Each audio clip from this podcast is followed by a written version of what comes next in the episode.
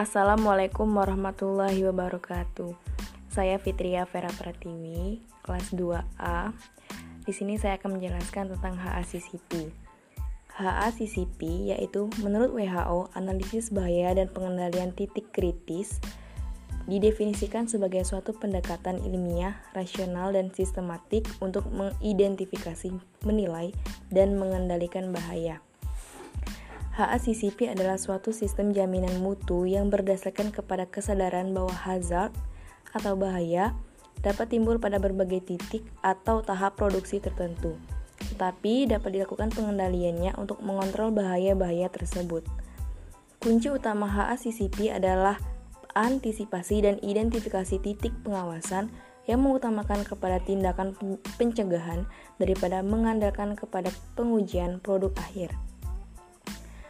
Hazard analysis adalah analisis bahaya atau kemungkinan adanya risiko bahaya yang tidak dapat diterima. Bahaya di sini adalah segala macam aspek mata rantai produksi pangan yang tidak dapat diterima karena merupakan penyebab masalah keamanan pangan. Bahaya tersebut meliputi pertama pertumbuhan atau kelangsungan hidup mikroorganisme dan hasil perubahan kimiawi yang tidak dikehendaki. Kedua, keberadaan yang tidak dikehendaki dari pencemar biologis, kimiawi, atau fisik pada bahan mentah. Ketiga, kontaminasi atau kontaminasi ulang pada produk antara atau jadi atau pada lingkungan produksi. Prinsip sistem HACCP Secara singkat, HACCP terdiri dari elemen-elemen, yaitu identifikasi bahaya, aktivitas penentuan titik pengendalian kritis, spesifikasi batas kritis, aktivitas penyusunan sistem pemantauan, pelaksanaan tindakan perbaikan, aktivitas sistem verifikasi, penyimpanan data atau dokumentasi. Selanjutnya manfaat HACCP. Terdapat beberapa keuntungan pokok yang diperoleh pemerintah dan instansi kesehatan serta konsumen dari penerapan HACCP sebagai alat pengatur keamanan makanan. HACCP adalah suatu pendekatan yang sistematis yang dapat diterapkan pada semua aspek dari pengamanan makanan, termasuk bahaya secara biologi, kimia, dan fisik. Pada setiap tahapan dari rantai makanan mulai dari bahan baku sampai penggunaan produk akhir.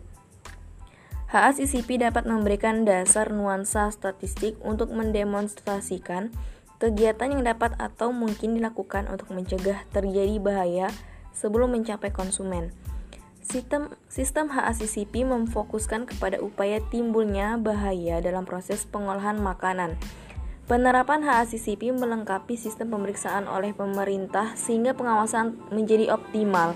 Pendekatan HACCP memfokuskan pemeriksaan kepada tahap kegiatan yang kritis dan dari proses edukasi produksi yang langsung berkaitan dengan konsumsi makanan. Pendekatan HACCP di antaranya food safety atau keamanan pangan, kedua kebersihan, economic fraud atau pemalsuan.